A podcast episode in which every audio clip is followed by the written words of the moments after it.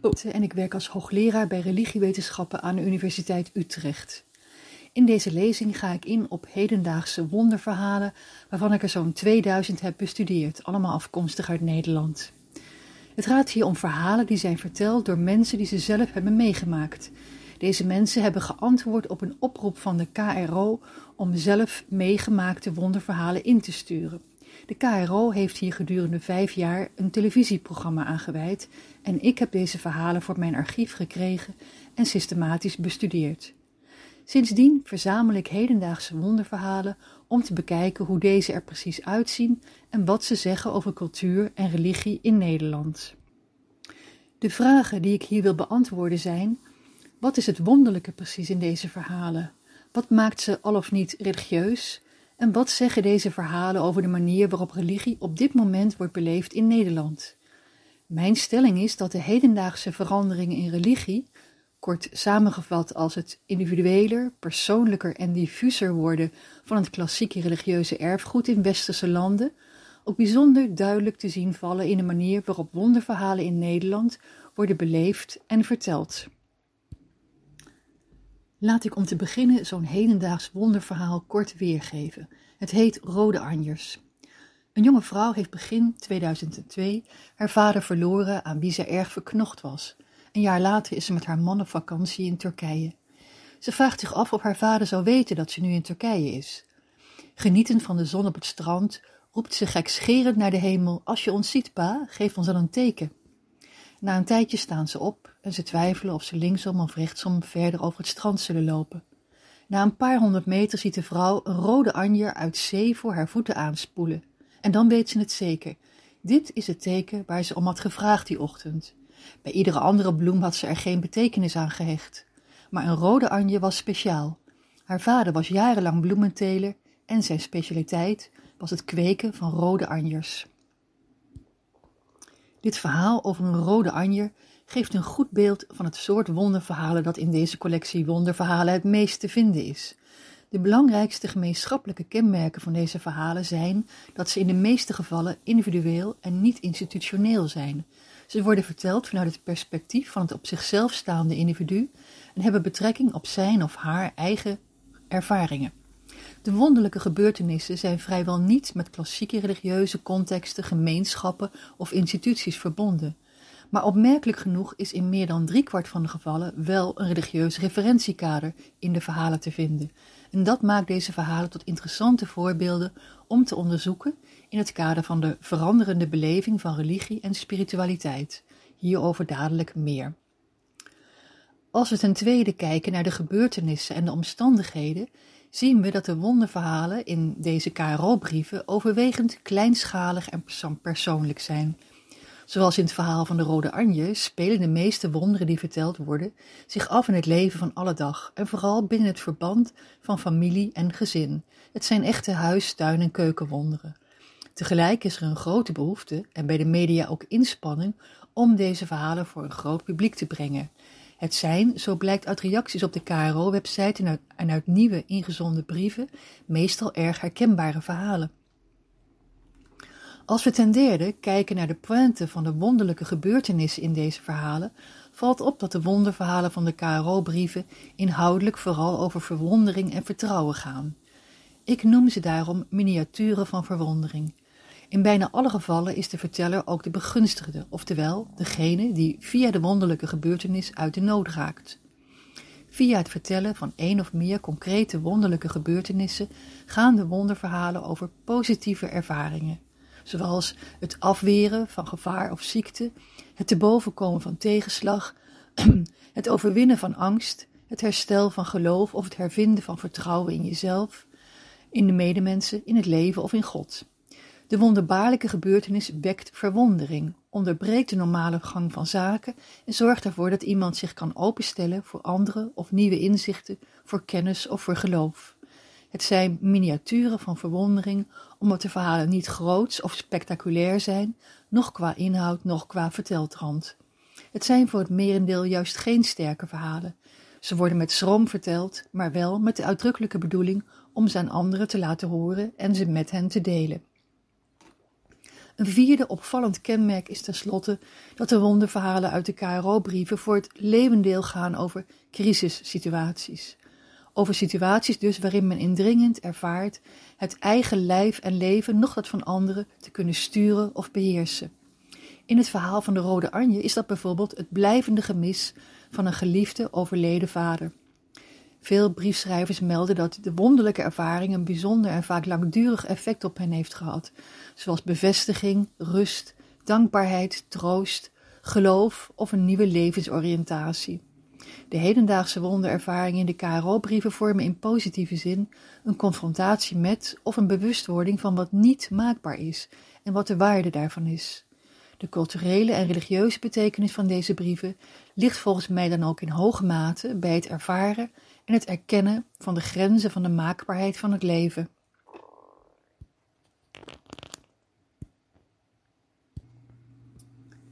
Ik heb deze collectie wonderverhalen bekeken met de vraag of deze wonderverhalen lijken op bekende wonderverhalen, in het bijzonder op de klassieke wonderverhalen van de grote wereldreligies: Jodendom, Christendom, Islam, Boeddhisme en Hindoeïsme. Uit het onderzoek naar vertellerskenmerken bleek dat de godsdienstige achtergrond van de briefschrijvers maar moeilijk te achterhalen is. In de helft van de gevallen is daarover helemaal niks bekend. Van degenen die dit wel zelf vermelden, zegt ruim een kwart katholiek te zijn, evenveel als het percentage dat zichzelf eigentijds gelovig noemt. Verder noemt men zich ook, in veel kleinere percentages en aflopend in omvang, gelovig, niet-gelovig, protestants-christelijk, paranormaal begaafd, zelfwonderdoener en atheïst. Ik ga ervan uit dat het etiket dat mensen zichzelf opplakken niet het meest bepalend is voor het referentiekader dat zij gebruiken, maar dat de vorm en de inhoud van hun verhaal daar het meeste zicht op bieden. Ik heb daarom gekeken naar het genre, naar verhaalkenmerken en naar inhoudelijke kenmerken van de wonderverhalen in de brieven. Door de uitkomsten te groeperen heb ik vastgesteld dat er drie duidelijk verschillende verhaaltypen in de wonderverhalen te vinden zijn: klassiek religieuze, niet-religieuze en eigentijds religieuze wonderverhalen. De laatste groep is de grootste. Ruim 60% van deze wonderverhalen heeft een eigentijds religieus karakter. Ik stel ze alle drie even aan u voor. Ten eerste is er het klassiek religieuze wonderverhaal. Ik geef een voorbeeld. Het is het voorbeeld van het Maria-kapelletje. En het gaat over de reddende verwoesting van dat kapelletje in Gelo bij Belveld in Limburg tijdens de Tweede Wereldoorlog. Als jongetje van vijf jaar heeft de verteller, schuilend in de kelder van zijn ouderlijk huis, heel hard gebeden toen hij de bommen rondom het huis hoorde neervallen. Hij is ervan overtuigd dat Maria het gebed van hem en zijn familie heeft verhoord, want de bommen troffen inderdaad doel maar Maria zorgde ervoor dat de bom op haar eigen huis viel. Dat wilde zeggen op het kapelletje dat in de buurt van de woonhuizen stond, terwijl alle bewoners van de huizen gespaard bleven. En hoewel het hele kapelletje verwoest werd, werd het Mariabeeld uit dit kapelletje vrijwel gaaf teruggevonden tussen de resten. Als wonderen bestaan, is dit volgens de verteller absoluut een wonder. Kenmerkend voor dit eerste type is dat volgens de verteller een optreden of ingrijpen plaatsvindt van God. Het bestaan van God en de verwachting dat God of een aan God verbonden persoon, zoals een heilige, wonderen kan verrichten, zijn hier al vooraf gegeven. Verder bevat dit soort verhalen meestal verwijzingen naar een religieuze setting of context. Er is sprake van een religieuze leider of voorganger, van een kerk, een kapel, een bedevaartsoord of een hoekje thuis met een heilige beeld. In veel gevallen wordt dit wonder voorbereid of afgesmeekt door een pelgrimstocht, een belofte, een serie gebeden of het branden van een kaars. Het klassiek religieuze wonderverhaal beslaat 15% van de brieven en is in deze collectie meestal een katholiek wonderverhaal. De wonderen die plaatsvinden worden dan ook in veel gevallen aan Maria, heiligen en engelen toegeschreven. Er zijn overigens in deze collectie ook islamitische en niet-westerse religieuze wonderverhalen van dit type. Het zijn in verhouding wat meer oudere vertellers die dit wonderverhaal hebben ingezonden. Het tweede type wonderverhaal met een niet-religieuze referentiekader staat hier precies tegenover. Een voorbeeld hiervan is het verhaal van de Moersleutel, die op dit moment ook te zien valt op de tentoonstelling Allemaal Wonderen in het Katerijnenconvent. Dit is het verhaal. Een socioloog, een econoom en een ingenieur werken begin jaren 70 in Saoedi-Arabië aan een ontwikkelingsplan. Hun basis is de hoofdstad Riyadh, toen nog een tamelijk primitieve stad. Op een dag moeten ze op werkbezoek naar een oase met een auto van het gouvernement. Voor vertrek wordt de auto gecontroleerd en ja, er blijkt geen reserveband te zijn. Er wordt de reserveband gehaald en uren later dan gepland vertrekken ze voor een tocht door 120 kilometer eindeloze woestijn. De oase is een schamele verzameling van tenten. Ze worden hartelijk ontvangen en uitgenodigd voor een uitgebreide maaltijd. De tijd dringt en ze slaan het aanbod af. Dat wordt als een belediging opgevat en de groep moet haastig vertrekken. Op het heetst van de dag reizen ze terug. Na 40 kilometer slaat het noodlot toe. Een platte band. Gelukkig hebben ze een reserveband. De gereedschapskist wordt tevoorschijn gehaald om de sleutel te pakken om de moeren eraf te draaien. Maar wat blijkt? De sleutel ontbreekt. En daar staan ze dan in de oneindige woestijn in de brandende zon. Met stenen, takjes en touwtjes wordt geprobeerd de moeren los te krijgen, maar niets lukt. De expeditie is in grote problemen en de spanning neemt toe. Om wat afstand te nemen van de nerveuze groep, zonderen twee van de mannen zich af op een heuvel in de buurt. Een van hen maakt een foto van de situatie voor als het mis zou lopen. Een zwart stipje in de uitgestrekte woestijn. Opeens ziet hij wat blinkends in het zand. Hij denkt dat het een steen is, maar als hij het op wil rapen, verbrandt hij zijn vingers. Voorzichtig pakte hij, het met zijn zakdoek op en wat komt eruit? Een sleutel. Hij gelooft zijn ogen niet en rent naar de anderen. Ze proberen de sleutel op het wiel en hij past. Het is wonderbaarlijk dat die sleutel net op die plek in de woestijn opduikt, na er misschien jaren eerder door een andere expeditie te zijn achtergelaten. Een wonder. Wonderen die worden verteld vanuit een niet-religieuze referentiekader zijn een bijzonder verschijnsel. Inhoudelijk bestaan ze uit een hoge mate van toeval of een onverklaarbare samenloop van omstandigheden. Of zoals een van de briefschrijvers het zegt, volgens mij is het wonder de overtreffende trap van toeval. Dit type wonderverhaal wijkt qua structuur en vorm nogal af van de twee andere typen. Er is wel verbazing en verwondering, maar vrijwel geen schroom om de gebeurtenis te vertellen.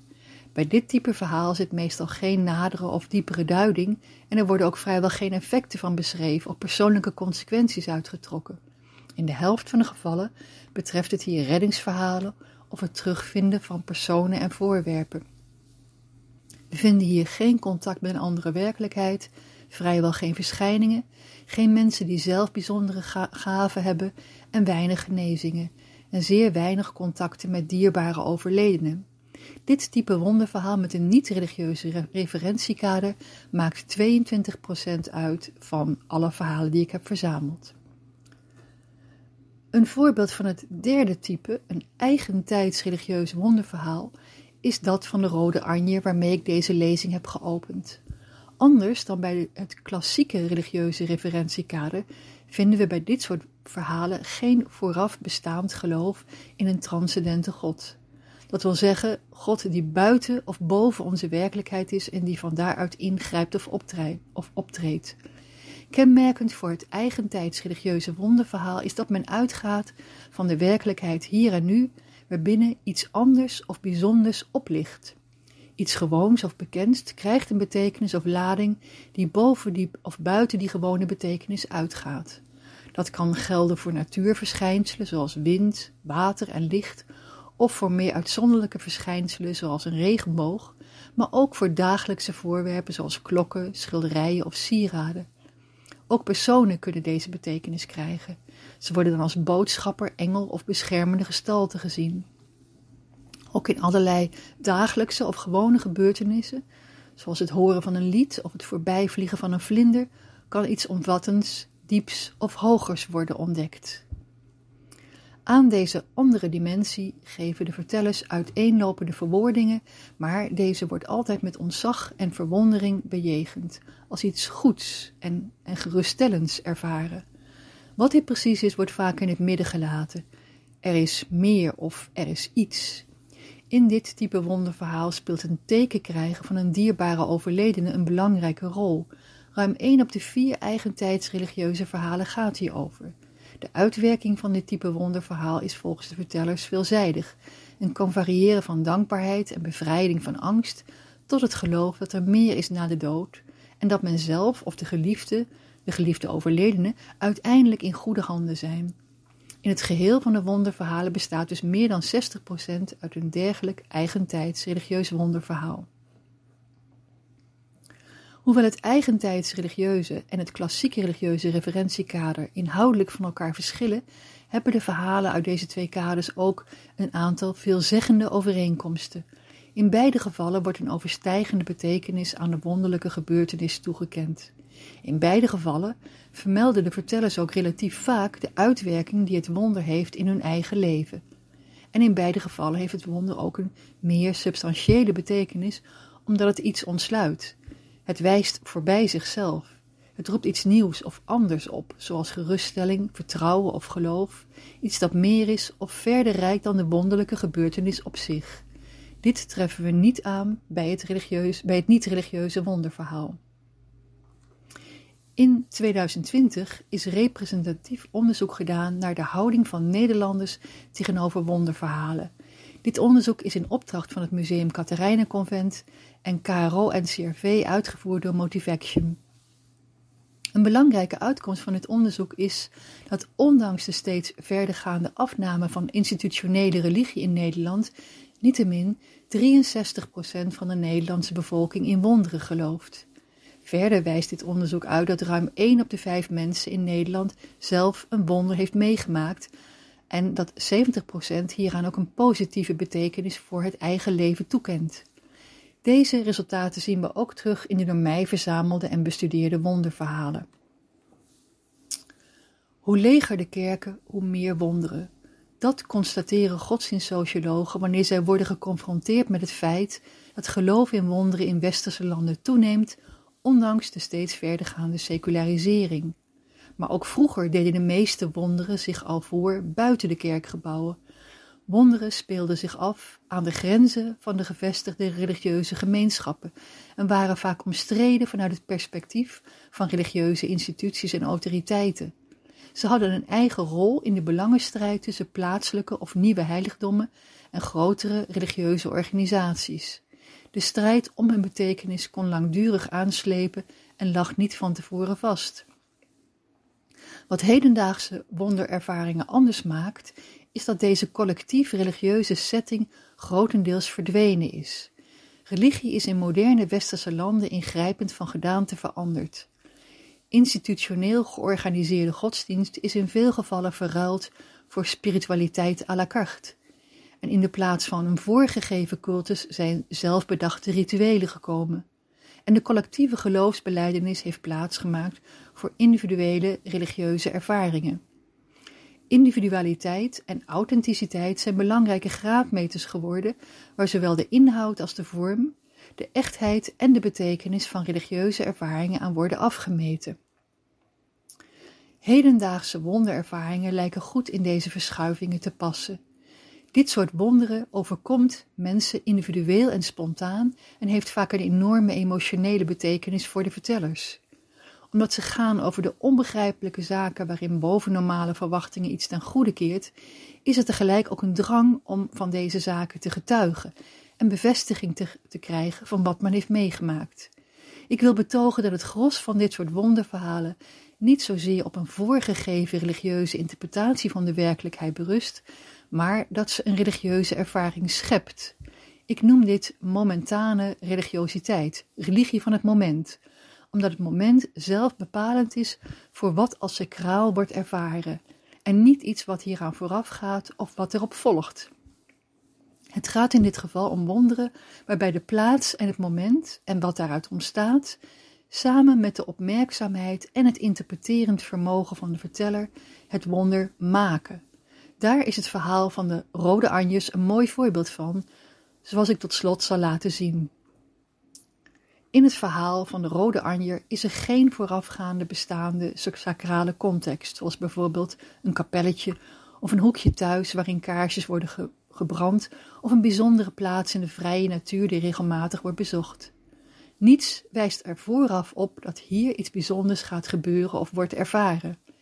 De jonge vrouw is met haar man op vakantie in Turkije en zit aan het strand. Ze realiseert zich daar dat ze haar vader mist en roept naar de hemel boven zich. Als je ons ziet, pa, geef dan een teken. Daarmee wordt deze gebeurtenis in gang gezet, namelijk door het verlangen dat deze vrouw uitspreekt naar haar geliefde en gemiste vader. Vervolgens spoelt uit zee een rode anje aan. Niet onmogelijk aan een toeristisch strand, maar wel heel erg toevallig. De jonge vrouw interpreteert dit als een teken van haar vader, omdat hij bloementeler was. En ja, zijn specialiteit bestond uit het kweken van rode anjes. Zo is in deze situatie een wonderbaarlijke gebeurtenis ontstaan doordat op deze plaats, op dit moment, een anjer uit de zee aanspoelde. En doordat de jonge vrouw juist deze waarde aan de anjer kon geven in haar interpretatie. De materiële en de spirituele kant van dit wonderverhaal zijn dus beide nodig en tegelijk ook onlosmakelijk met elkaar verbonden. Ik hoop u hiermee meer inzicht te hebben gegeven in het wonderlijke van hedendaagse wonderverhalen en ik dank u voor uw aandacht.